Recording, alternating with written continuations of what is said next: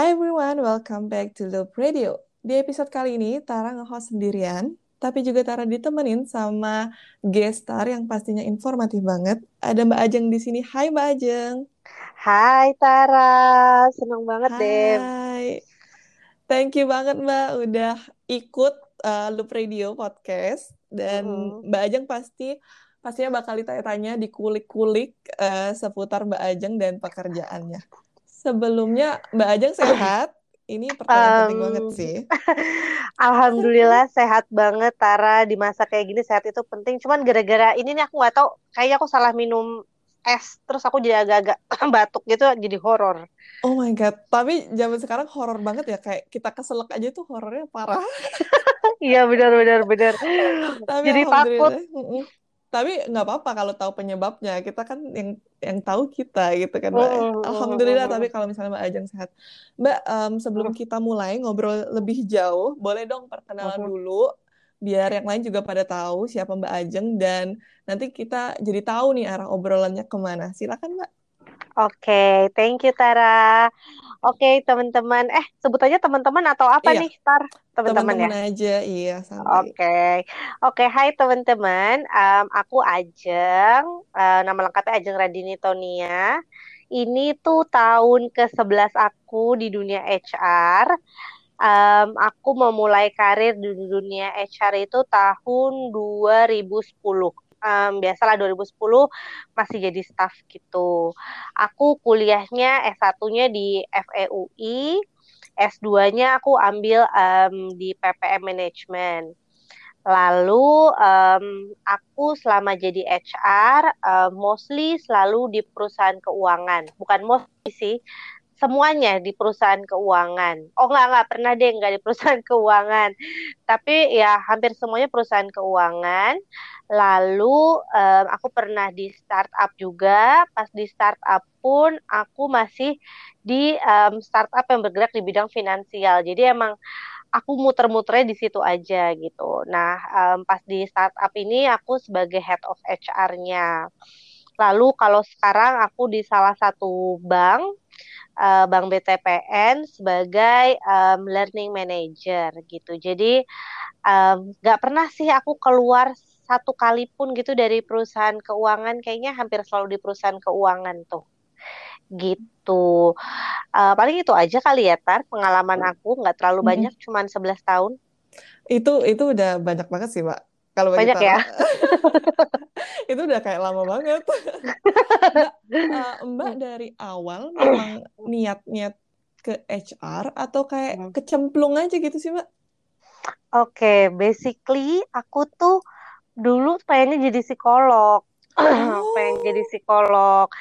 Terus em, nyoba masuk, udah gitu orang tua aku tuh tipenya harus UI kan, jadi aku maunya psikologi Mm-mm. UI.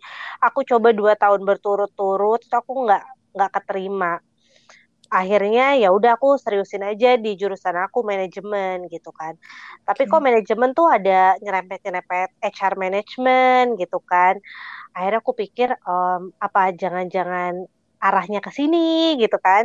Mm-mm. Eh, sama-sama uh, belajar orang nih, tapi yang satu uh, di perusahaan gitu kan. Terus da- dari segi bisnisnya juga belajar gitu kan kalau manajemen. Terus akhirnya setelah uh, lulus S1, aku um, kerja, terus ngambil S2, akhirnya aku ngambil S2-nya juga aku spesialisasiin ngambil HR management. Di situ Mm. aku makin dalam, makin dalam, makin dalam. Nah, um, pas aku S2 pun aku sambil uh, bantu-bantu uh, sebagai konsultan di kampus aku. Kampus aku ada konsultannya kan. Aku Mm-mm. sambil bantu-bantu juga. Jadi aku tuh nggak pernah nggak pernah nganggur. Kuliah juga aku kuliah sambil kerja waktu S1. Oh, Oke. Jadi um, ya terakhir-terakhir tuh aku kuliah sambil kerja. Jadi aku hampir nggak pernah nganggur. Jadi tahun 2010 tuh aku masih kuliah tapi aku udah sambil kerja. Gitu. Berarti ceritanya. Jadi emang udah tahu kayaknya mau ke sini nih gara-gara gagal psikolog. Ya udah akhirnya ngambil HR management. Tapi terus Iya. ternyata kayak oh, oh, aku suka nih gitu. Karena pada dasarnya sama-sama mempelajari sifat manusia juga kan, Mbak ya? Iya, benar, benar banget. Sama-sama mempelajari perilaku manusia, tapi yang satu perilaku manusia dalam kehidupan gitu ya secara luas. Yang satu uh, perilaku manusia di perusahaan, gimana caranya supaya sinergi sama arah perusahaan gitu. Benar-benar. Uh, dari 11 tahun ini perasaannya apa, Mbak? Dari 11 tahun ini perasaan uh, muntah. Enggak lah ya. Udah enak banget apa gimana? Kalau enak banget sih enggak ya pak. Karena aku tahu uh, this is uh, what I want gitu kan. Um, cuma ada titik jenuh lah. Cuman um, makin ke sini tuh aku udah mulai ketemu polanya. HR tuh okay. Polanya seperti ini gitu ya uh, pola terapkan tuh seperti apa sebagai HR gitu. Terus um, perilaku karyawan kan ada-ada aja ya perilaku karyawan ya dan itu yang sih uh, buat belajar-belajar sabar tuh di situ gitu. Yang unik-unik, yang nyeleneh-nyeleneh gitu, Mbak ya? Iya, iya banget tar. Um, ya 11 tahun ya tar, aneh-aneh banget lah pengalamannya. itu waktu awal-awal shock atau gimana tuh, Mbak? Maksudnya dari belajar oke okay lah kita belajar kan hmm. secara teori ya terus kayak hmm. pas terjun di perusahaan di hmm. real worldnya tuh yang kayak wow wow ini kok aneh-aneh banget nih itu kaget gimana ya reaksinya ya? reaksinya tuh gimana tuh Oke, okay, um, aku tuh dulu pertama kerja tuh dapat bosnya galak banget. CEO-nya oh tuh galak banget. Perusahaannya perusahaan -huh. kecil. Nah, ini satu-satunya okay. aku bukan perusahaan keuangan tuh di sini sama waktu jadi konsultan. Um, bosnya galak banget uh, dia CEO-nya. Um, dulu aku kan masih anak baru banget ya. Terus kan ngerasanya dari UI nih ya biasa lah anak UI kan suka agak-agak gitu ya. Iya iya iya iya, iya, iya berasa kayak udah paling pinter paling oke okay sedunia gitu padahal baru mulai kerja kan. Uh, di situlah aku uh, bertemu bahwa realita hidup itu tidak seindah yang aku bayangkan. Bahwa total realita itu pahit. Nah itu di situ. Jadi kayak aku ingat banget waktu itu aku um, jadi staff staff untuk payroll sama rekrutmen. Karena perusahaan perusahaan kecil perusahaan keluarga masih grupnya terus uh, aku udah manggil-manggilin nih manggil-manggilin um, apa orang-orang yang mau diinterview gitu. Menurut aku udah bagus-bagus banget. Tiba-tiba bos aku datang keluar dari lift dia marah-marah. Eh aja apa apa nih? Kok banyak orang? Gitu. Kan hari ini ada jadwal interview pak. Uh -uh ah saya nggak mau nggak mau, mau. Saya nggak mood hari ini. Dia tatang masuk ke dalam. Terus aku kayak hah? Akhirnya aku samperin bos aku. Aku samperin bos aku aku bilang mbak um, aku sebut namanya pak ini gitu kan. Mm -hmm. pak ucok lah misalkan ya. Pak ucok yeah. Uh, tadi marah-marah di depan kandidat nggak mau interview hari ini. Padahal kan kemarin udah dijanjiin udah dijadwalin Oke, itu aja. Hmm, ya udah deh interview sama aku dulu aja. Uh, nanti baru deh uh, next kalau dia udah mood baru sama dia entah nanti kapan aku cariin waktunya gitu. Oh, oke. Okay. Itu sih pertama kali. Terus um, dulu kan kita suka apa ya kalau uh, idealis lah idealis lah ya namanya hmm. mahasiswa hmm. baru masih lu masih mahasiswa lagi aku masih mahasiswa sambil kerja masih idealis gitu kayak um, ngelihat apa apa tuh hitam putih gitu ternyata ketika kerja ya banyak banyak gray hmm. area hmm. gitu. Jadi hal-hal hmm. kayak gitu sih yang aku akhirnya pelajari sampai sekarang gitu. Oh my god. Berarti sebenarnya kalau kita udah masuk ke dunia kerja itu bukan hmm. cuman kita benar atau salah ya, tapi kayak ada yeah. faktor orang lain juga di situ ya, Mbak ya. Iya, benar banget Tara, benar banget. Hmm. Um, uh, apa key point yang kamu tangkap benar banget karena kadang kita udah benar gitu ya kita merasanya hmm. tapi ternyata ada banyak faktor X yang membuat kebenaran itu jadi tidak benar gitu. Jadi kita emang harus pinter-pinter lihat keadaan juga sih. Kadang kita mikir gini ya kayak PHK orang gitu. Hmm. orang denger aja kayak ih parah. Yeah. PHK nggak ngasih pesangon gitu kan. Uh, I've been there gitu. Karena startup waktu aku jadi head of HR itu startupku tuh um, harus tutup gitu karena pandemi. Um, dan aku harus PHK orang dan pastinya hmm. tanpa pesangon. Kenapa? Karena udah nggak ada duitnya orang mau tutup perusahaannya gitu iya, kan. Iya. Um, tapi aku bisa melakukan itu dengan very smooth, uh, dengan sangat kekeluargaan. Bahkan sampai hari ini kita masih punya grup WhatsApp bersama-sama semuanya. Ah. kita pisah baik-baik gitu. Um, nah itu gimana sih cari celah kayak itu? Kalau ngeliat dari segi hukum kan kayak ini impossible nggak mungkin pasti karyawan pada uh, banting kertas ke muka aku gitu ya. Atau mungkin banting yang lain gitu ya. Mm-mm.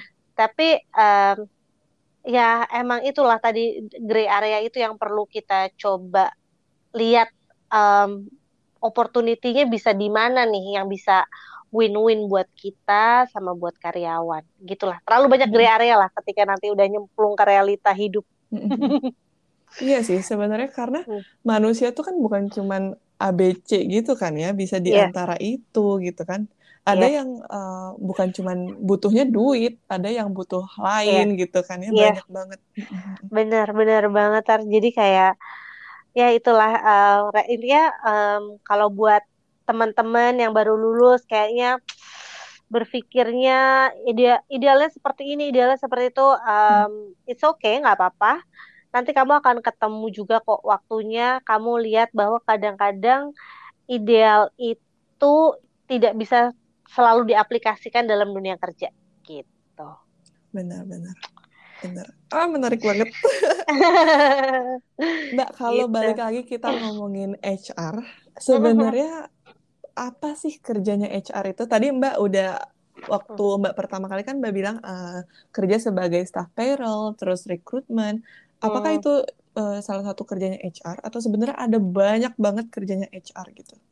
Oke, jadi em, sebenarnya gini, aku selalu em, melihat HR itu dari dua kubu gitu. Hmm. Ada HR product sama HR partner. Em, itu selalu ada kayak gitu ya. Jadi kalau produk itu biasanya dia yang menghasilkan produk, misalkan dia ngurusin performance management, dia ngurusin operation, oh sorry, ada tiga, aku sorry sorry, aku lupa. Aku Mm-mm. lihat ada tiga, ada HR product, partner, dan operation gitu ya. Oke. Kalau operation tuh ya tadi payroll, administration, benefit karyawan, em, itu biasanya ada di situ. Lalu produk, produk itu eh, dari em, apa performance management, organization development, training, em, Oke. lalu industrial relation itu sebenarnya masuknya di produk gitu. HR partner itu em, HR BP-nya itu kayak first line-nya, first line-nya HR yang Oh, iya. Um, ya benar-benar engage sama karyawan di setiap unit, setiap divisi itu HR business partner itu kayak first line-nya HR. Nah, si HR business partner ini didukung sama tadi HR operation sama HR product buat karena um, HR product akan fokus bikin produk yang tepat nih buat karyawan apa pun itu Mm-mm. training yang tepat, proses penilaian yang tepat, um, apa uh, perks-perks yang tepat gitu ya buat karyawan. Sedangkan HR operation memastikan um, kayak gaji terbayar, terus um, benefit-benefit karyawan itu diberi benefit karyawan itu diberikan dengan baik.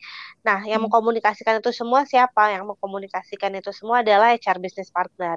Dan HR business partner ini juga yang akan mengkomunikasikan kebutuhan dari karyawan-karyawan tadi ke orang produk sama orang operation. Jadi sebenarnya HR tuh luas banget. Tapi uh, dulu kan banyak yang bilang HR itu support function, support function gitu ya. Tapi sebenarnya seiring berjalannya waktu, HR itu sebenarnya lebih ke strategic partner buat uh, bisnis sih. Jadi uh, kita bukan cuma nge-support bisnis, tapi kita tuh berpartner, kita tuh sama kayak bisnis, kita bantu teman-teman bis yang di, kerja di bisnis supaya um, tujuannya tercapai gitu. Oke, ini menarik Itu banget karena gambaran idealnya. iya benar-benar menarik Hmm. karena eh, kita rata-rata tahu mungkin kayak Tara Hmm. yang awam tuh taunya cuman Hmm. HR tuh ya udah salah gitu kan. Hmm, Ternyata hmm, ada hmm. banyak eh, di dalam itu divisi-divisinya juga. Nah, Iya. kalau HR sebagai yang merepresent perusahaan itu berarti di HR business partner ya Mbak ya, yang kayak sebagai yang kata Mbak bilang first line-nya lah gitu kan ya. Iya. Berarti si HR business partner ini yang eh, mengkoordinasi kalau misal perusahaan butuh karyawan baru gitu-gitu ya, yang rekrutmen Iya. itu di HR business partner ya. Uh, rekrutmen uh, masuk ke produk sih sebenarnya. Oh. Okay. Um, mm-hmm. Jadi HR business partnernya, jadi ini sebenarnya tergantung size perusahaannya ya. Kalau uh, perusahaannya masih kecil gitu ya, kayak startup mm-hmm. gitu, biasanya uh, satu orang megang role, banyak role tadi gitu ya. Kayak misalkan waktu aku sebagai head of HR, um, karena startupnya baru seratusan orang gitu ya, jadi um, aku sebagai head of HR aku punya tim satu tim operation satu lagi tim rekrutmen tim hmm. operation itu slash business partner tim rekrutmen itu slash business partner. Jadi okay. um, mereka uh, lang langsung gitu. Tapi kalau sekarang kalau aku di sekarang kan aku di big corporation ya. Karyawannya hampir 12.000 ribu gitu ya. Kalau karyawannya dua belas ribu orangnya cuma segitu nggak mungkin. Iya, jadi kalau sekarang karyawan dua belas ribu ada yang jadi business partner ada yang jadi operation ada yang bagian performance management ada yang bagian SOP policy okay. ada yang bagian industrial relation um, lalu aku di bagian training sama talent management. Oh, ada bagian rekrutmen juga. Mm -hmm. gitu. Jadi nah tergantung size perusahaan sih. Sebenarnya itu adalah role role HR tapi tergantung hmm. uh, size perusahaannya. Mm -mm. Yeah. Nah, um, untuk HR di episode kali ini kita bakal ngebahasnya lebih ke rekrutmen dan ya segala macamnya tentang rekrutmen sih. Jadi okay. uh, eh, bakal ada mungkin info-info untuk yang mm. belum pernah sama sekali ngelamar atau kayak ngelamar mm. tapi kok nggak dapet dapet ya gitu. Nah, mm -hmm kita bakal ngebantu si pendengar-pendengar kita, teman-teman kita ini dalam hmm. yang itu tadi Mbak. Sebenarnya rekrutmen itu uh, apa aja sih step by stepnya?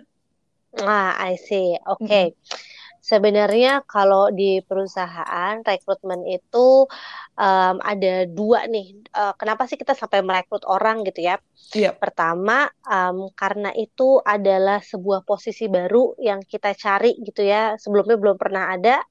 Atau yang kedua itu karena kita mau menggantikan seseorang yang mungkin resign atau yep. mutasi dan sebagainya. Jadi ada dua kemungkinan kenapa posisi itu dibuka. Mm-hmm. Nah, uh, biasanya itu akan dimulai dari proses need analysis dulu nih.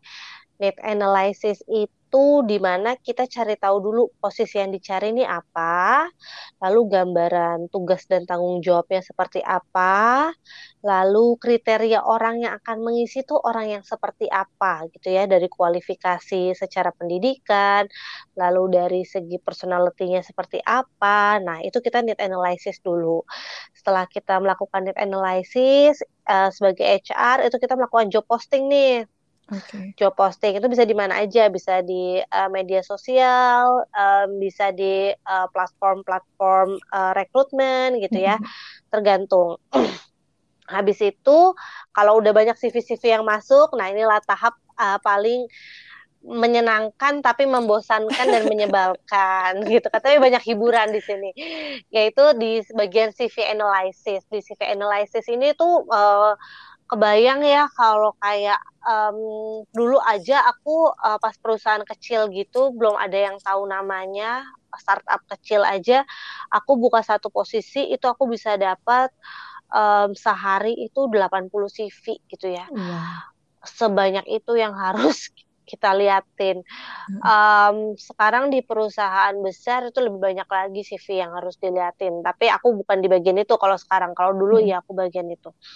Terus sebanyak itu kan CV harus diliatin. Nah, itu kita biasanya liatin uh, pertama itu biasanya kita dari kualifikasi sesuai pendidikan dulu. Misalkan okay. uh, minimal D3, minimal S1, minimal SMA. Kalau dia sesuai itu biasanya kita ambil uh, pokoknya seleksi yang pertama itu seleksi administrasi by CV dulu biasanya kita dari pendidikan habis pendidikan ada pengalaman internship mm -hmm. atau pengalaman organisasi itu bagus instead of CV yang kosongan. Yep. Nah itu lebih lebih apa ya lebih catchy di mata uh, recruiter gitu ya. Um, terus habis CV analysis biasanya kita langsung baru tuh CV-CV yang udah kita pilih tadi masuk ke tahap selection. Nah, selection ini macam-macam prosesnya tergantung perusahaannya. Ada yang mulai dari psikotes dulu. Ada yang mulai dari technical test dulu. Biasanya kalau developer tuh technical test dulu gitu ya. Ada yang mulainya dari interview dulu gitu. Mm-mm. Ada yang mulainya dari presentasi dulu. Tergantung pekerjaannya itu seperti apa. Kalau aku nih ya misalkan di learning development gitu ya. Justru di awal itu presentasi dulu biar kelihatan nih orang bisa ngajar apa enggak. Kalau dia nggak bisa ngajar, ngapain kita terusin lagi, lanjutin? Males kan? Jadi Iya, benar. pertama biasanya kalau di learning development tuh kita suruh presentation dulu. Nah, em, mungkin nggak sih ada perusahaan yang nggak ada psikotesnya, Mbak? Oh, tentu. Jadi em, ini preferensi em, tergantung dari perusahaannya gitu ya. Jadi ada perusahaan yang mungkin cuma interview aja gitu.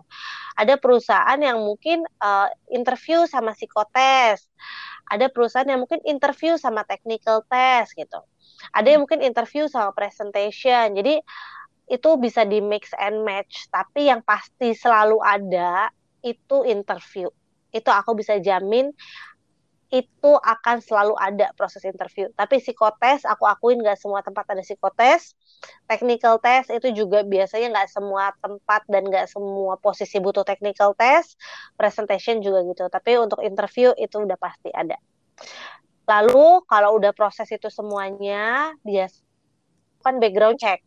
Nah, background check ini lumayan penting teman-teman. Jadi uh, biasanya um, kita nih um, HR uh, apalagi tim rekrutmen itu biasanya udah langsung nge-search nih dari awal. Um, orang ini punya Instagram nggak? Facebook, LinkedIn. Kita lihat biasanya. Kita suka lihat postingan pasti uh, sedikit aja kok. Kita nggak yang kayak kepo terus jadi pengen tahu di posting apa aja nggak nggak sampai kayak gitu. Oke. Cuman kayak uh, oke okay, proper nggak gitu. Udah tapi sebatas itu aja. Terus um, habis itu kita background check lagi ke um, referensinya dia. Biasanya kan kalau kita suruh ngisi uh, formulir rekrutmen itu kan kita suka suruh tuliskan orang yang bisa referensiin kita siapa aja. Nah, Hmm. itu kita biasanya telepon. Kita telepon, kita tanya uh, tentang orang ini gimana. Itu pasti kita lakukan. Kenapa? Karena um, ibaratnya kalau cari karyawan itu kan kayak cari pasangan hidup ya. Kita juga nggak mau beli kucing dalam karung gitu istilahnya. Jadi paling nggak tuh kita harus melakukan background check. Ada posisi misalnya posisi sales di lapangan gitu ya. Dulu itu aku uh, mensyaratkan untuk um, melampirkan bukti uh, kelakuan baik yang dari polisi. Kenapa? Karena teman-teman sales di lapangan itu akan megang banyak uang nasabah. Nah, Oke. itu kayak gitu-gitu tuh um, bahaya kan kalau kita sama Mm-mm. orang-orang yang nggak punya integritas akhirnya um, kita pasti background check-nya juga butuh SKCK. Jadi uh, background check itu pasti dilakukan sebelum orang itu masuk. Nanti kalau memang orangnya sudah oke, sudah semuanya, ada perusahaan yang uh, mensyaratkan untuk medical check up. Nah, medical check up itu buat ngelihat riwayat kesehatannya seperti apa, kondisi kesehatannya seperti apa. Ada nggak perusahaan yang nggak pakai medical check up? Oh, tentu banyak, karena medical check up kan mahal ya. Yep. Um, untuk perusahaan-perusahaan kecil kita harus menekan budget itu, jadi um, mungkin nggak ada medical check up. Tapi kalau perusahaan besar, kayak kantor aku sekarang ini ya itu kita ada medical check up gitu. Nanti kalau medical check up udah oke, okay, lalu masuk ke tahap offering biasanya. Nah di situlah offering gaji. Uh, kalau udah cocok semua muanya, biasanya akan ada tanda tangan kontrak, lalu masuk ke onboarding proses. Di onboarding itu biasanya tuh uh, first day-nya kalian lah di perusahaan, hmm. Gitu deh. Wow. Panjang ya? Panjang banget. Dan ini baru kayak cuman satu kerjaan gitu ya, yang, yang mm. intinya rekrutmen gitu kan. Udah mm. sepanjang ini. Mm -mm. Apalagi yang lain-lain. Yang lain-lain panjang banget. Nggak kebayang. Nggak kebayang. Kebayang. Belum ngurusin orang hidupnya.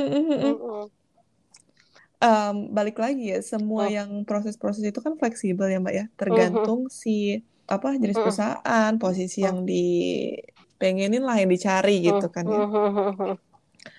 Uh, tapi intinya adalah dalam interview apa sih yang dilihat perusahaan dalam interview? Maksudnya interview ini fungsinya sebagai apa gitu? Oke, okay. oke. Okay. Jadi interview itu bayangkan kalau kalian itu itu uh, first date gitu ya baru kenalan nih sama cowok first date gitu kan pasti kalian pengen tahu tentang cowok ini ya gitu ya atau cewek ini gitu kan pasti penasaran banget lah ini orang gimana sih biasanya yang kalian tanya tuh apa sih ke orang yang mau uh, jadi pacar kalian gitu kan itu kan pasti kalian akan cari tahu dia tuh dulunya gimana sih gitu kan. Kalau dia pernah punya pacar gitu dia pasti tanya eh dulu kalau sama pacar kamu gimana? Kamu sukanya apa? Kamu biasanya nontonnya nonton apa sih? gitu. Biar apa sih? Itu biar mengenal. Nah sama. Kita sebagai rekruter itu kita punya cara um, interview itu kita bakal probing kita bakal menanyakan tentang aktivitas-aktivitas kegiatan-kegiatan yang pernah dilakukan sama kandidat. Kadang-kadang kalian suka ngerasa kan kayak apaan sih nih orang kepo banget nanyanya, apaan sih nih interview kok kepo banget gini nanyanya. Kok aneh-aneh gitu ya iya, pertanyaannya. Sebenarnya semua yang ditanya itu selalu ada maksudnya, nggak pernah nggak okay. pernah tanpa tujuan. Hmm. Misalkan nanya, eh boleh tahu nggak kamu ada kegiatan organisasi apa aja waktu kuliah? Itu biasanya kita pengen tahu apakah orang ini itu adalah orang yang aktif ketika kuliah atau tidak. Nanti kalau dia banyak gitu ya, kita akan tanya juga, uh, oke okay, um, banyak ya kegiatan kamu. Biasanya kita akan cek nih, oke okay, dia kegiatannya banyak berarti dia aktif, dia cukup multitasking, dia uh, energinya banyak. Tapi kita lihat juga nilainya gimana. Jangan sampai dia oh, banyak okay. organisasi, tapi ternyata oh nilainya jelek tapi kalau dia banyak organisasi oh tapi nilainya bagus kok. Berarti artinya dia memang um, bisa bertanggung jawab pada uh, tugas utama dia sebagai mahasiswa yaitu belajar gitu kan. Yang lain itu sebenarnya sampingan gitu kan tapi itu bisa membentuk karakter dia. Nah nanti bisa kalau kita tanya habis organisasi kita bisa tanya lagi oke okay, pernah ikut kepanitiaan apa aja nih gitu kan. Uh, nanti kan cerita kepanitiaan apa. Nah itu kita pengen tahu nih dia pernah nggak sih berhubungan sama orang, bekerja dalam satu kepanitiaan untuk satu tujuan gitu. Ya. Kalau dia udah terbiasa melakukan itu ketika di perusahaan kan dia tahu nih komunikasinya seperti apa, um, tektokan sama orang lain tuh dalam bekerja seperti apa itu udah bisa tuh biasanya. Terus biasanya kita suka tanya, kamu di situ sebagai apa? Sebagai leader atau sebagai tim gitu kan. Mm-hmm. Nanti di situ kan cerita tuh. Nah, kalau dia biasanya pernah jadi leader, kita berarti lihat oh berarti dia um, sedikit punya gitu ya pengalaman untuk memimpin. Yang mana itu bagus. Paling enggak dia bisa memimpin dirinya sendiri dulu. Karena sebelum dia memimpin orang lain kan dia harus bisa memimpin dirinya ya, sendiri kan. Nah di situ tuh biasanya kita bisa lihat kayak gitu. Nah nanti kayak uh, oke okay, kamu tugasnya ngapain aja di situ dari situ aja tuh kita bisa tahu nih um, dia jelasin gitu ya dari penggunaan kata saya atau kita okay. itu kita bisa tahu yang mana yang dia benar-benar kerjain mana yang kayaknya dia bersama-sama sama temennya. Kalau dia bersama-sama temennya, biasanya kita detailin lagi. Terus yang kamu lakukan apa? Tugas kamu di situ apa? Peran kamu apa? Kenapa? Karena kita juga butuh tahu orang ini bisa bekerja sendiri dan di dalam tim atau memang kerjanya bisa sama tim doang. Kalau giliran kerja sendiri nggak bisa. Kan ada yang kayak gitu. Nah, itu kita akan cocokkan juga tuh sama uh, kualifikasi orang yang dibutuhkan untuk suatu pekerjaan. Terus biasanya nanti kita akan tanya keluarga. Kenapa sih kita tanya keluarga? Karena itu penting banget untuk ngeliat behavior anak ini seperti apa. Okay. Anak keberapa gitu.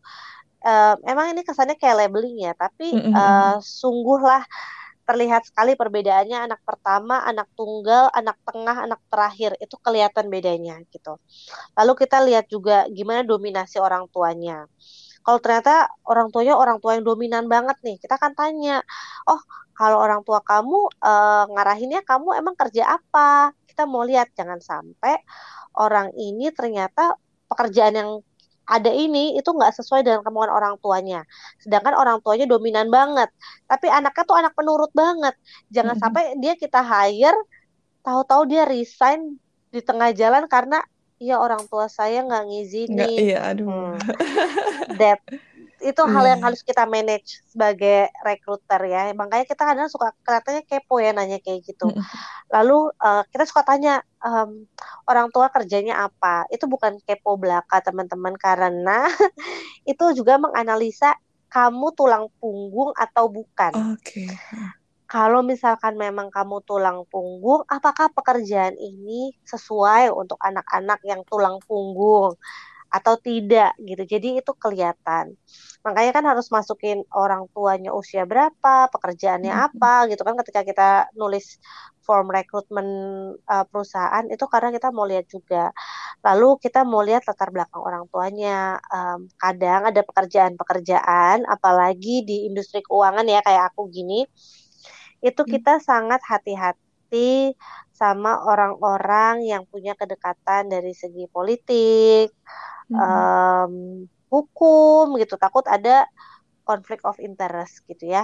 Oke. Jadi um, aku pernah dulu udah udah oke, tiba-tiba pas background check aku failed karena uh, my husband itu lawyer.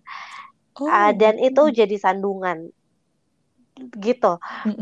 Um, terus di situ dibahas terus um, aku bilang sih aku mau tanda tangan uh, surat pernyataan uh, nggak ada conflict of interest and so on tapi dari perusahaan nggak mau karena my husband is lawyer gitu. Jadi um, aku pernah ada di posisi itu gitu. Jadi ada pekerjaan-pekerjaan perusahaan-perusahaan yang memang uh, quite sensitif sih sama um, apa background keluarga kayak gitu Tapi kalau udah kayak gitu berarti ya udah pasrah dong Mbak ya, nggak ya Mm, bukan salah gue, bukan mm. gimana ya, udah pasrah aja emang gitu nggak kan? jodoh Oh Mm-mm. iya iya benar-benar. Ah, karena aku selalu percaya pekerjaan itu adalah jodoh-jodohan. Jadi kayak Hmm. um, aku nggak pernah tuh um, memaksakan diri aku untuk terlihat bagus di sebuah pekerjaan. Dan aku juga sangat memperhatikan mana orang yang benar-benar uh, realistis gitu ya ketika interview sama orang yang kayak terlalu jualan diri gitu. Karena menurut aku, aku pernah ada orang um, pernah nanya ke aku gitu ya, Mbak Mbak um, Mbak Jeng kan udah pernah ngerjain ABC gitu ya. Aku mau interview nih untuk posisi B, tapi aku belum pernah ngerjain. Kasih tau aku dong Mbak itu ngerjainnya apaan aja sih biasanya. Soalnya aku pengen banget kerjaan ini. Aku nggak kasih tahu. Kenapa? Karena kalau lo belum pernah ngerjain, bilang aja lo belum pernah ngerjain tapi lo Oke. mau belajar, Mhm. tapi lo pengen tahu gitu pekerjaan itu dan lo mau lo minat di situ. Instead of lo ngaku lo pernah ngerjain, lo udah biasa ngerjain itu, Iya. begitu masuk lo belum pernah ngerjain, ambiar. Gitu. Jadi Mhm. kayak percayalah pekerjaan itu benar-benar jodoh-jodohan. Kalian pasti nggak mau maksain kan? Kalau sama cowok yang kalian tahu nih ganteng banget, oke banget, tapi ternyata keluarganya beda suku dan keluarga gue tuh tipe keluarga yang uh, penting banget suku. Ngapain Mhm. kalian paksain buat kayak gitu? Kalian tahu kan nggak akan Hmm. oke nih akhirnya. Nah, begitu juga sama kerjaan. Jadi nggak usah dipaksain kalau emang nggak jodoh ya eh kalau emang uh, nggak keterima itu ya emang bukan jodohnya. Karena kalau jodoh dan yang terbaik pasti keterima. Mhm. Gitu. Oke. Wow. Nah, si interview tadi kan eh, setelah Tara tangkep itu Hmm. intinya adalah mengenal si calon kandidat ya sama Hmm. kayak eh, Mbak Ajeng bilang kayak first date tadi tuh kan. Dan dari sekian banyak jawaban, eh, dari sekian banyak pertanyaan dan jawaban yang ada, itu ada bener salahnya nggak sih Mbak? Kita harus jawab gimana gitu. Kadang kan suka bingung ya. Itu eh, ntar kalau dijawab kayak gini, ntar gue salah lagi. Ntar kalau jawab gini, bener nggak ya? Gitu kan suka ada Hmm. keraguan gitu. Hmm, menurut aku sih jawabannya adalah jujur apa adanya, tapi tampilkan versi terbaik dari diri kamu. Maksudnya gini, jangan Hmm. fake it. Karena kalau a- a- aku nggak percaya quotes yang bilang fake it till you make it. Nggak, kalau lo fake it lo bakal terjerembab jatuh. Jadi Oke. eh, don't fake it. Em, jawab apa adanya. Aku ingat banget dulu aku pernah ditanya yang tiga kelebihan tiga kelemahan. Dan kelemahan pertama aku itu dari dulu adalah aku orang yang nggak sabaran, pemarah, dan em, aku sangat keras kepala. Itu Hmm. itu eh, somehow kadang bagus untuk beberapa orang, tapi beberapa orang lain merasa itu jelek gitu ya. Iya. Um, aku pernah um, intinya di perusahaan itu aku selalu ngomong tiga tiga itu kan kelemahan aku. Perusahaan itu bilang e, oh kamu keras kepala berarti kamu nggak bisa dibilangin dong bla bla bla bla bla gitu. Aku jadi cecer gitu kan. Yeah. ya aku jawab aja ya memang seperti itu um, buat meyakinkan saya melakukan sesuatu um, orang yang ngomong sama saya itu harus logis dulu. Kalau enggak saya biasanya akan susah ngerjain itu. Um, dan saya nggak sabar dan saya galak juga gitu. Um, terus aku nggak diterima. Ya nggak apa-apa karena aku tahu kalaupun aku keterima aku nggak bakal work well sama orang oh, ini okay. gitu kan.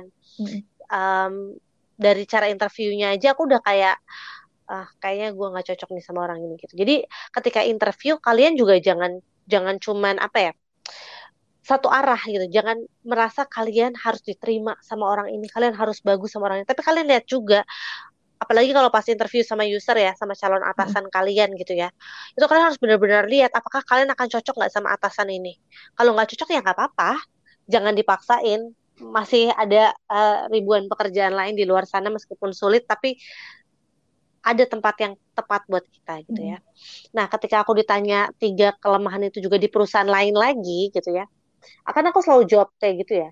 Yeah. Um, yang aku terkesan banget adalah waktu aku di Bank OCBC NISP ya.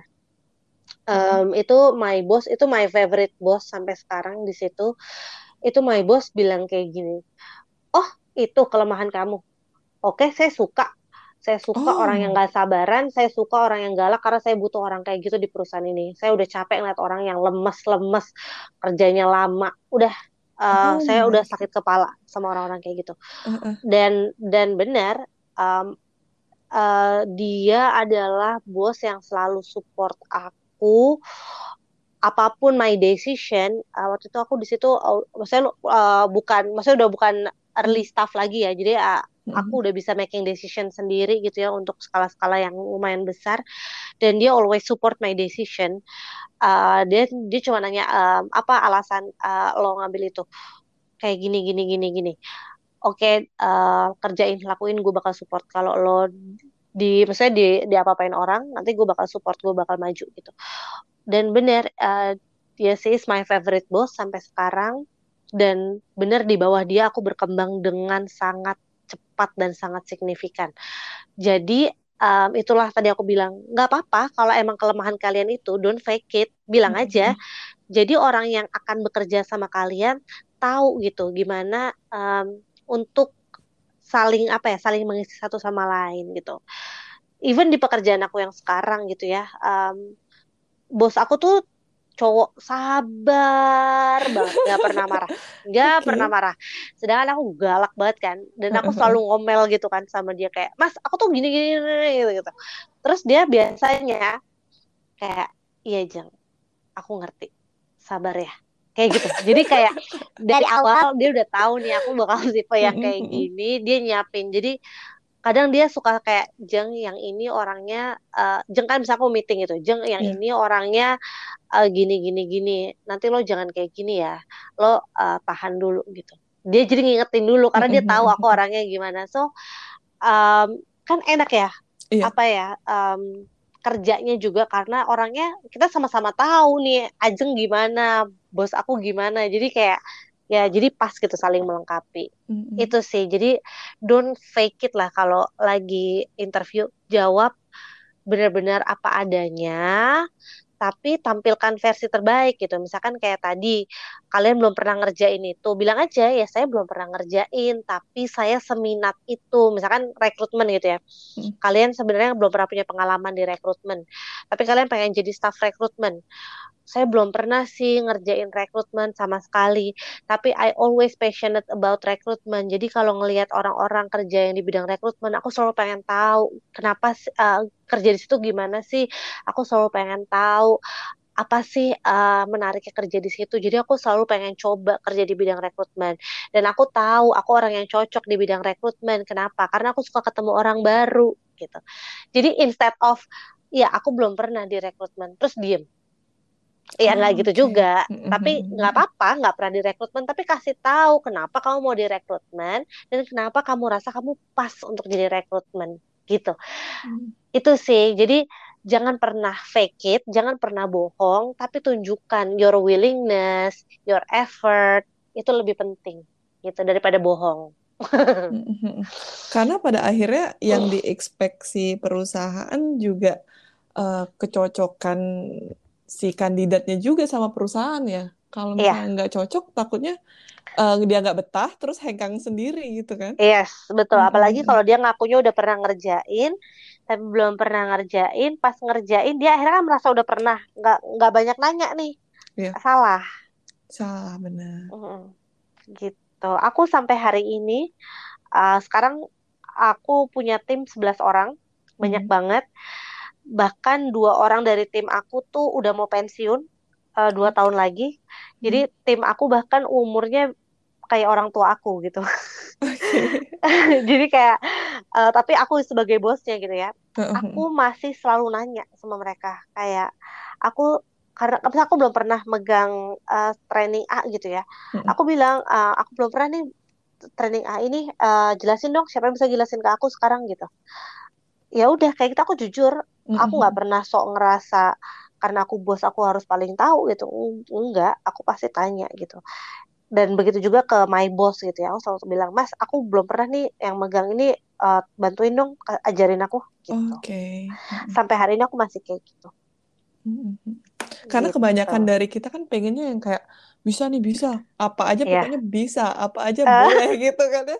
Yang eh, penting gue dapet kerjaan ini gitu. Ternyata eh. takutnya malahan kalau makin dipaksain, makin dipaksain, kita juga yang stres pas masuk ke lingkungan yang ternyata nggak sama-sama kayak kita gitu kan ya. Iya. Mm, mm, Mm-mm. mm, mm, mm. Karena itu penting banget sih eh, kayak gitu tuh ya sama kayak pacaran aja deh. Iya, iya. Jangan gara-gara dia ganteng, duitnya banyak gitu ya, kalian paksain supaya kalian jadian sama dia, tapi ternyata dia suka ngupil, dia suka Iya. kentut sembarangan, sedangkan kalian Mm-mm. nggak suka sama orang yang kayak gitu. Mm-mm. Terus dia jigongan gitu kan, jigongan coba atau bau ketek gitu kan. Akhirnya kalian nggak betah sendiri ya, iya dia ganteng Iya, gitu ya, bener. ganteng. Eh ternyata jigongnya banyak, bau ketek. Ya dia banyak duit sih, tapi tetap aja kayak gitu kan kalian malas juga lama-lama Iya. putus kan. Mm-mm. Akhirnya kalian akan lebih milih yang sesuai sama kepribadian kalian, yang membuat Mm-mm. kalian nyaman. Itulah biasanya yang akhirnya jadi kalian nikahi nanti gitu. Betul, Ya, betul. jadi kayak petua ibu-ibu. Tapi bener loh, bener banget sebenarnya. Hmm. Eh, selama Mbak eh, Mbak Ajeng jadi HR, Hmm. eh, ada nggak sih proses-proses yang Mbak Ajeng jadi interviewer nih, terus kayak Hmm. selama interview ada cerita-cerita yang mungkin ini lucu, unik, tapi gimana? Kok ada ya orang kayak gini gitu loh, kayak yang sebenarnya kalau kalau Mbak Ajeng pengen saranin ke orang-orang tuh jangan kayak gini ya gitu. Ada nggak Oke, sih? oke. Aku aku cerita ini dulu ya, lucu-lucu sedih kali Boleh, ya. boleh. Yang lucu, yang sedih dulu lah, sedih dulu deh. Yang em, sedih itu waktu itu aku pernah interview em, cowok nih, cowok ini dulunya mas-mas Indomaret. Kebayang ya, mas-mas Indomaret. Oke, heeh. Mas-mas Indomaret. Terus eh, sebelum jadi mas-mas Indomaret itu dia jadi mas-mas tukang pasang gipsum. Oke. Iya.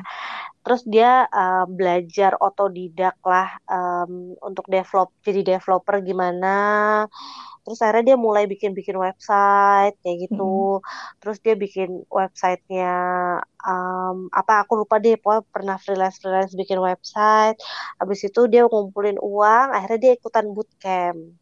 Oke. Ikutan bootcamp untuk jadi developer. Lalu aku interview dia. Em, menurut aku orang ini luar biasa banget ya.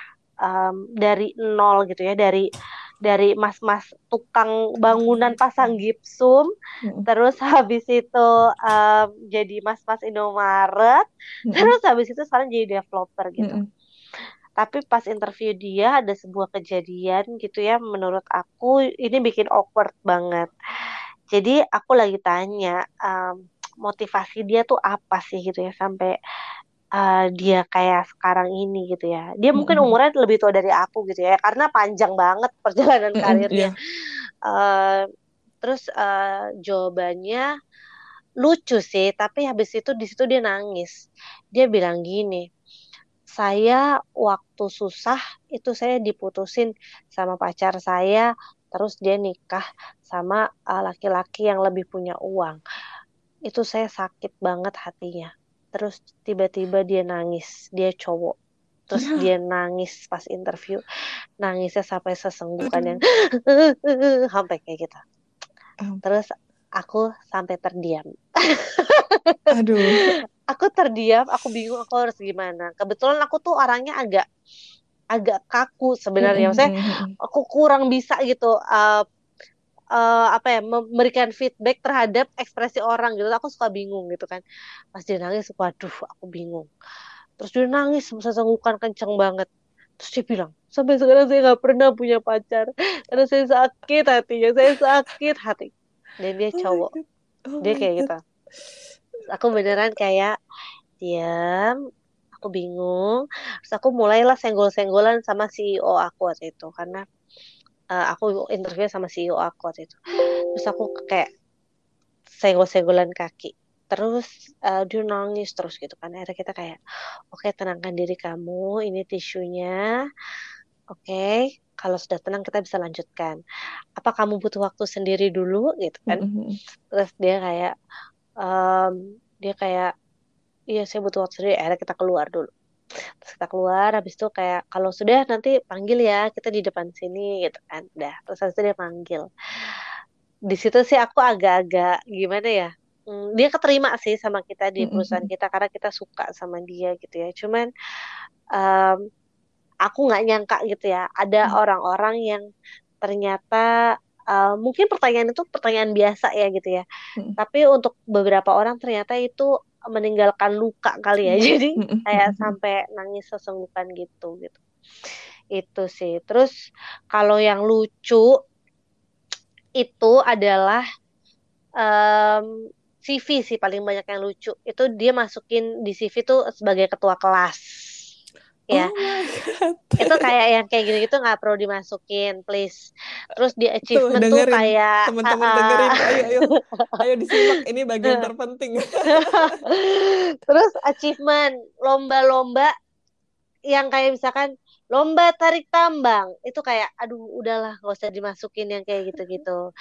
Lomba-lomba achievement achievement tuh achievement yang em, menurut kalian cukup menjual gitu lah ya. Misalkan achievement lomba debat itu masih oke lah gitu ya. Hmm. Lomba debat nasional tapi yang kalau udah kayak lomba-lomba 17 Agustusan udahlah yang kayak gitu-gitu nggak usah dimasukin. Lalu quotes banyak banget nulis quotes tapi tuh quotesnya kayak aku pernah kayak gini quotesnya aku inget banget aku sampai ngakak lebih baik tidak pernah jadi pemimpin daripada Hmm. jadi pemimpin yang tidak pernah jadi pemimpin aku Ah, diem. Aku baca itu berkali-kali. Kok ah, aku gimana, nggak ngerti ya maksudnya? Kok aku nggak ngerti ya maksudnya? Akhirnya aku kasih ke temen aku kan. Lo ngerti nggak baca ini? Enggak mbak. Gua nggak ngerti maksudnya apa. Ini kita yang kebegoan apa orang ini yang kepinteran? Udah gitu. Jadi kayak kayak gitu sih. Terus em, aku juga pernah ada orang interview kok dia kaku banget gitu badannya. Hmm. duduknya tuh kayak kaku banget. Ternyata dia bajunya bolong sobek pas lagi naik uh, busway itu nyangkut gitu. Jadi dia bajunya sobek pantesan dia kayak kayak kaku gitu. Kayak, kamu kok kaku banget sih? Kayak "Heh, heh," gitu. Dia baru cerita kalau pas udah keterima kalau dia ternyata bajunya sobek saat itu. Wah, untung keterima ya. Kalau enggak dia kayak, waduh, day Iya, banget sih itu. dan yang aku paling sebel adalah kalau orang interview tapi dia nggak tahu mau ketemu siapa. Aku paling kesel.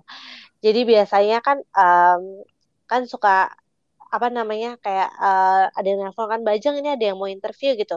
Ya Hmm. interviewnya sama siapa gitu kan ada beberapa kan rekruter gitu kan. Bukan cuman Ajeng doang gitu kan. Eh, terus dia bilang nggak tahu Mbak sama siapa. Misalnya aku samperin, kamu yang nelfon siapa? Em, eh, siapa ya Mbak? Aku lupa kemarin gitu. Aduh, aku udah paling males ya kayak gitu tuh. oke. Jadi eh, teman-teman, tolong dicatat kalau terima telepon dari rekruter, catat nama rekruternya, jangan sampai lupa siapa rekruternya. Itu nggak banget. Terus ngangkat telepon, itu aku paling sebel kalau misalkan nelpon orang, itu ngangkat teleponnya kayak kayak suara suara bangun tidur, suara bantal. Mm-mm. terus itu aku udah paling males jadi ditambah lagi misalnya aku bilang kayak um, halo ini Ajeng dari BTPN gitu kan. Hah? BTPN apa ya mbak? Kamu apply untuk posisi um, staff recruitment. Hah? Saya apply ya mbak. Saya lupa. Gitu. Yang kayak gitu-gitu tuh tolong. Jadi Aduh. usahakan ketika kalian apply aku tahu kadang-kadang saking desperate cari kerjaan kan kita Iya. apply aja gitu kan semuanya kita apply gitu kan dicatat di buku inget-inget apply-nya apaan aja gitu jadi ketika dapet telepon kalian buka tuh buku kalian oh Iya mbak, benar saya tel saya apply dan usahakan sebelum apply paling enggak browsing dulu perusahaannya, baca dulu. Jadi nempel sedikit, oh tahu ini perusahaannya apa. Jangan sampai udah ditelepon, uh, ini apa mbak? Tadi perusahaannya namanya mbak? Ah, nggak tahu. Iya. Kalau aku lagi ngamut tuh aku bisa langsung tutup tuh teleponnya. Kalau aku moodnya lagi nggak enak gitu ya kayak ah udah nggak qualified. Tapi kalau mood aku lagi bagus ya aku ladenin gitu. Jadi kayak hal-hal kayak gitu sih itu kecil remeh-temeh aku tahu. Cuman itu menandakan seberapa serius sih kalian dalam mencari pekerjaan gitu. Gitu. Itu sih yang paling-paling aku nggak tahan gitu. Tapi ya yang paling penting sih tadi sih teman-teman um, kalau lagi cari kerja usahakan begitu ada telepon. Nafas dulu suaranya jangan suara kayak Allah. Kayak suara bangun tidur gitu ada paling males. Dan aku kadang-kadang nelpon jam 10 itu masih suara bantal tuh aku kayak ah gimana mbak? Bentar mbak. Mbak uh, siapa tadi? Mbak siapa? Apa mbak tadi perusahaannya? Kayak gitu. itu sih yang tahapan-tahapan paling menyebalkan tuh di situ. Tapi kalau ketika interview, hmm. kalau lucu-lucu sih banyak ya lucu-lucu, tapi yang hmm. nggak hmm. terlalu mengganggu lah. Um, paling kalau yang fake it fake it banget tuh aku bisa tahu sih yang fake it fake it banget gitu. Iya, udah 11 tahun gitu. Terus masih masih mau nge-fake di depan muka itu kayak aduh udahlah gitu rasanya. Ya. iya iya, jadi lihat-lihat juga nih. Nah, tips aku, aku kasih tips aja ya. Sebelum interview, tadi kan udah cari tahu kan um, perusahaannya apa gitu kan ya, nama rekruternya siapa. Cari dulu di LinkedIn. Nih rekruternya Terus uh, misalkan interviewnya selain sama rekruternya ada usernya gitu kan calon bos hmm. kamu. Pasti kan dikasih tahu tuh di email namanya siapa. Cari tahu cari tahu di LinkedIn. Sekarang hampir semua orang karyawan tuh pasti punya LinkedIn. Jadi kamu cari dulu misalkan uh, mau uh, sama rekruternya Tara gitu ya. Usernya Ajeng gitu kan. Cari tahu Tara Ajeng perusahaannya apa. Lihat pengalaman kerjanya. Jadi kalian nggak salah um, apa ya cara komunikasinya. Hmm. Kalau kalian ketemu orang yang udah lebih senior, ternyata dia ibu-ibu gitu ya. Yang kayak aku ibu-ibu teman nggak kayak ibu-ibu sih. Hmm. Itu kan kayak beda lah kalian nggak nggak yeah. bisa tuh nggak nggak prepare ketika interview yang kayak selengean hahaha hihi gitu kan nggak bisa kalian harus prepare gitu kan. Begitu juga kalau um, ketemu sama um, misalkan habis ketemu sama user ketemu head of HR ya kan kalian juga harus menempatkan diri dengan baik lah ketemu head of HR masa kalian um, apa ya kayak selengean gitu ya enggak. Dan hmm. uh, usahakan sebelum interview itu selalu cari tahu nih perusahaannya. Kalau startup ya jangan pakai kemeja sama celana bahan. Kalau kalau di bank interviewnya ya jangan pakai jeans sama kaos gitu. Jadi selalu usahakan cari tahu dulu perusahaannya nanti disesuaikan stylenya seperti apa gitu. Atau kalau enggak tanya sama rekruternya mbak uh, ini perusahaannya hmm, biasanya outfitnya kayak gimana ya Mbak supaya bisa saya menyesuaikan nanti tampilan saya gitu. Hmm. hmm, hmm. Itu lebih baik kayak gitu. Rekruter pasti seneng kok job-job yang kayak gitu. Uh, itu menandakan kalian tuh orangnya prepare gitu. Hmm. Wow, gitu. udah lengkap, udah dapet tips and trick, udah dapet cerita-cerita menarik. Mbak, terakhir deh Mbak, um, boleh tips lagi tapi kan hmm. tadi udah tips gimana interview biar kita interview yang baik lah gitu kan. Uh. Nah, kali ini terakhir tips untuk um, fresh graduate atau hmm. yang minim pengalaman, tapi kayak hmm. minim pengalaman, minim achievement, tapi pengen ngelamar gitu, Mbak. Maksudnya hmm. apa yang harus dipersiapkan? Kayak tadi kan jangan masukin tarik tambang, tapi rasanya kok gue nggak ada apa ya achievement apa-apa gitu. Hmm. Apa yang hmm. harus dilakukan untuk nutupin itu, Mbak? Oke, okay pertama kalau kalian itu posisinya belum lulus, eh posisinya udah lulus, coba dari posisi internship dulu. Hmm. Jadi jangan muluk-muluk um, jangan muluk-muluk dulu lah gitu ya. Coba dari posisi internship dulu. Nanti dari internship itu seenggaknya di CV kalian ada bertambah nih sesuatu gitu ya. Tapi kalau uh, kalau kalian masih kuliah, justru misalkan kalian masih kuliah nih, kalian ngerasa kayak duh saya udah semester 4 saya nggak pernah ikut organisasi. Saya nggak pernah coba internship gitu ya. Hmm. oke. Okay. atau semester 5 atau semester 6 gitu ya. Itu langsung putuskan untuk cari uh, internship sama um, ikutan organisasi. Kalau bisa supaya CV kalian nggak kosong-kosong banget gitu ya. Tapi hmm. kalau udah terlanjur lulus ya nggak apa-apa. Tapi cari tahu minat kalian apa cari tahu minat kalian apa, terus cari aja posisi internship dulu gitu ya, biar dapat dulu nih pengalamannya. Tapi kalau emang mau gitu ya, uh, soalnya kalau misalkan kalian nggak terlalu banyak pengalaman organisasi, nggak ada pengalaman internship, terus nilainya juga biasa aja, hmm. terus universitasnya juga misalkan universitas biasa aja, kalian kan pasti bingung apa yang mau kalian jual dari diri kalian kan? Ibaratnya kan kalian masih kosong banget gitu kan. Nah yang perlu kalian lakukan adalah cari apa yang mau kalian jual gitu. Nah yang bisa kalian jual itu pasti paling tidak pengalaman. Nah pengalaman bisa didapat dari mana? Ya tadi dari internship menurut aku ya. Kalau bener-bener kosong melompong banget gitu ya. Coba dari internship dulu deh apply-nya. Karena dari situ kalian bisa ngejual diri kalian paling enggak nih misalkan uh, begitu internship terus kalian ngerasa oh cocok nih kerjaannya sama saya kok saya suka ya? Hmm. tanya sama kantor kalian ada kemungkinan nggak ya uh, buat posisi karyawan posisi ini? Siapa tahu ternyata perusahaan itu juga suka sama kerja kalian dan lagi ada posisi untuk karyawan kalian diangkat jadi karyawan. Kan bisa kayak gitu. Jadi uh, jangan pernah takut atau malu untuk mulai dari posisi internship ya. Karena menurut aku untuk orang-orang yang ternyata selama kuliah nggak banyak pengalaman organisasi dan nggak banyak pengalaman internship nggak apa-apa setelah lulus mulai dari situ dulu. Kecuali misalkan kalian IPK-nya 3,8 gitu ya. Um, terus kalian nggak ada organisasi nggak ada pengalaman internship gitu ya. Kalian apply ke posisi-posisi MT udah pasti dilihat kan IPK dulu tuh kalau posisi-posisi MT di perusahaan itu udah pasti kalian lolos gitu. Tapi kalau IPK-nya yang sedang-sedang gitu ya coba coba jualan diri dulu deh cari apa yang bisa kalian jual. Itu penting sih menurut aku. Gitu.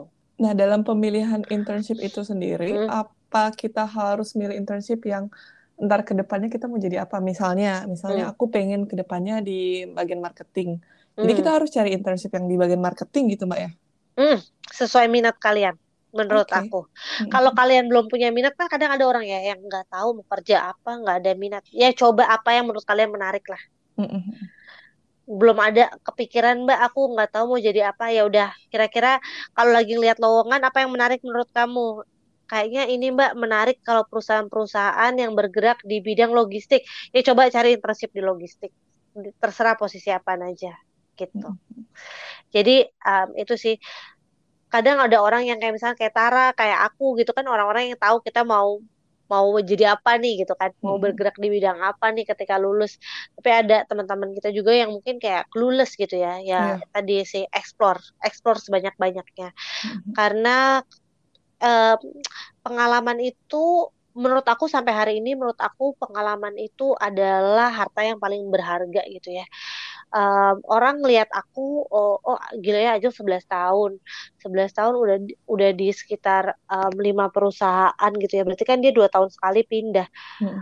iya benar banget aku hampir dua tahun selalu pindah perusahaan um, tapi aku um, punya prestasi nggak? Yes, aku punya prestasi. Di setiap perusahaan yang aku tinggalin, aku punya prestasi. Jadi nggak uh, apa-apa, nggak uh, usah lama-lama di perusahaan. Menurut aku nggak apa-apa. Tapi pastikan kalian sudah memberikan dampak yang signifikan di perusahaan tersebut dan kalian sudah mengambil manfaat juga dari perusahaan tersebut. Baru pindah. Gitu. Jadi uh, pengalaman itu memang sesuatu yang paling berharga. Jadi itu yang harus sering-sering kalian cari selama kalian masih kuliah. Hmm. karena itu yang penting.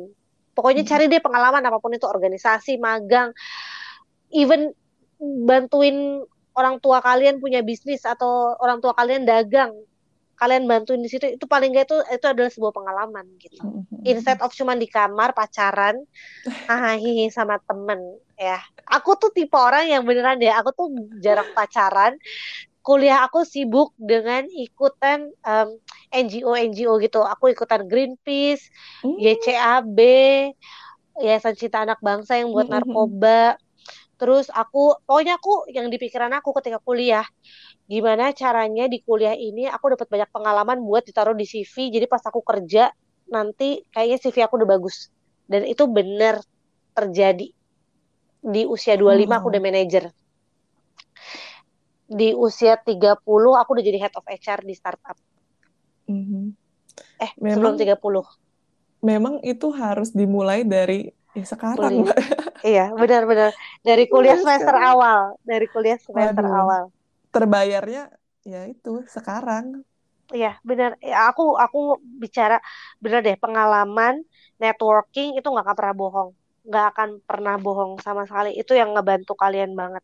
Sampai hari ini em, aku masih sangat terbantu sih dengan pengalaman-pengalaman aku. Jadi ketika nemu case gitu ya, aku punya banyak pengalaman praktek gitu ya, pengalaman praktek mengaplikasikan teori-teori gitu. Jadi aku tahu, oh ini kurang tepat nih dipakai di sini. Ini tepat, ini enggak. Jadi kayak sense-nya tuh udah jalan gitu. Aduh, Mbak Ajeng, petuahnya, waduh, itu ngena banget sih petua-petua dari expert. Mbak Ajeng, em, udah lumayan lama kita ngobrol. Makasih Iya, banyak Mbak Ajeng udah mau eh, diundang lah ceritanya ke Loop Radio buat ngobrol-ngobrol. yes, Semoga kapan-kapan kita bisa ngobrol lagi. Yes Tara, good luck lo bakal Tara. banyak banget lagi sih yang bisa diobrolin dari Mbak Ajeng. Iya, Dikulik-kulik lagi. Makasih yes, banyak yes, ya Mbak ya. yes Tara, good luck ya. Semoga nanti Makasih. banyak Mm-mm. pengalaman yang bisa ditulis di CV. Amin untuk teman-teman semua. Semoga dilancarkan semua yang mau ngelamar kerja, yang mau Mm-mm. baru mulai, nggak Yes, apa-apa, mulai aja dulu mulai sekarang. aja. Mm-mm. Iya, benar. Jangan kebanyakan mikir, mulai aja dulu, benar. Mulai, mulai. Pokoknya sekarang mulai. Ah, Jangan rebahan terus. Tolong ini yang dengerin, jangan ah, rebahan. di looping lagi banyak ya internship ya Tara ya. Lagi banyak banget, lagi lagi Ah, heboh banget sih. Kayaknya iya, semua perusahaan ini tahun ini lagi banyak internship sih Mbak. Jadi ah, yang masih rebahan, tolong bangun. Ayo kita mulai internship mulai dari sekarang. Mbak Iya benar. Mbak Ajeng, makasih banyak ya. Makasih Yes banyak banget Tara, pokoknya. thank you, thank you Tara. Thank you teman-teman Loop Radio yang udah dengerin. Dengerin Loop Radio di episode selanjutnya. Ada Tara atau enggak nanti sama Petra. Thank you semua. Bye. Oke, thank you. Bye-bye semuanya. Bye.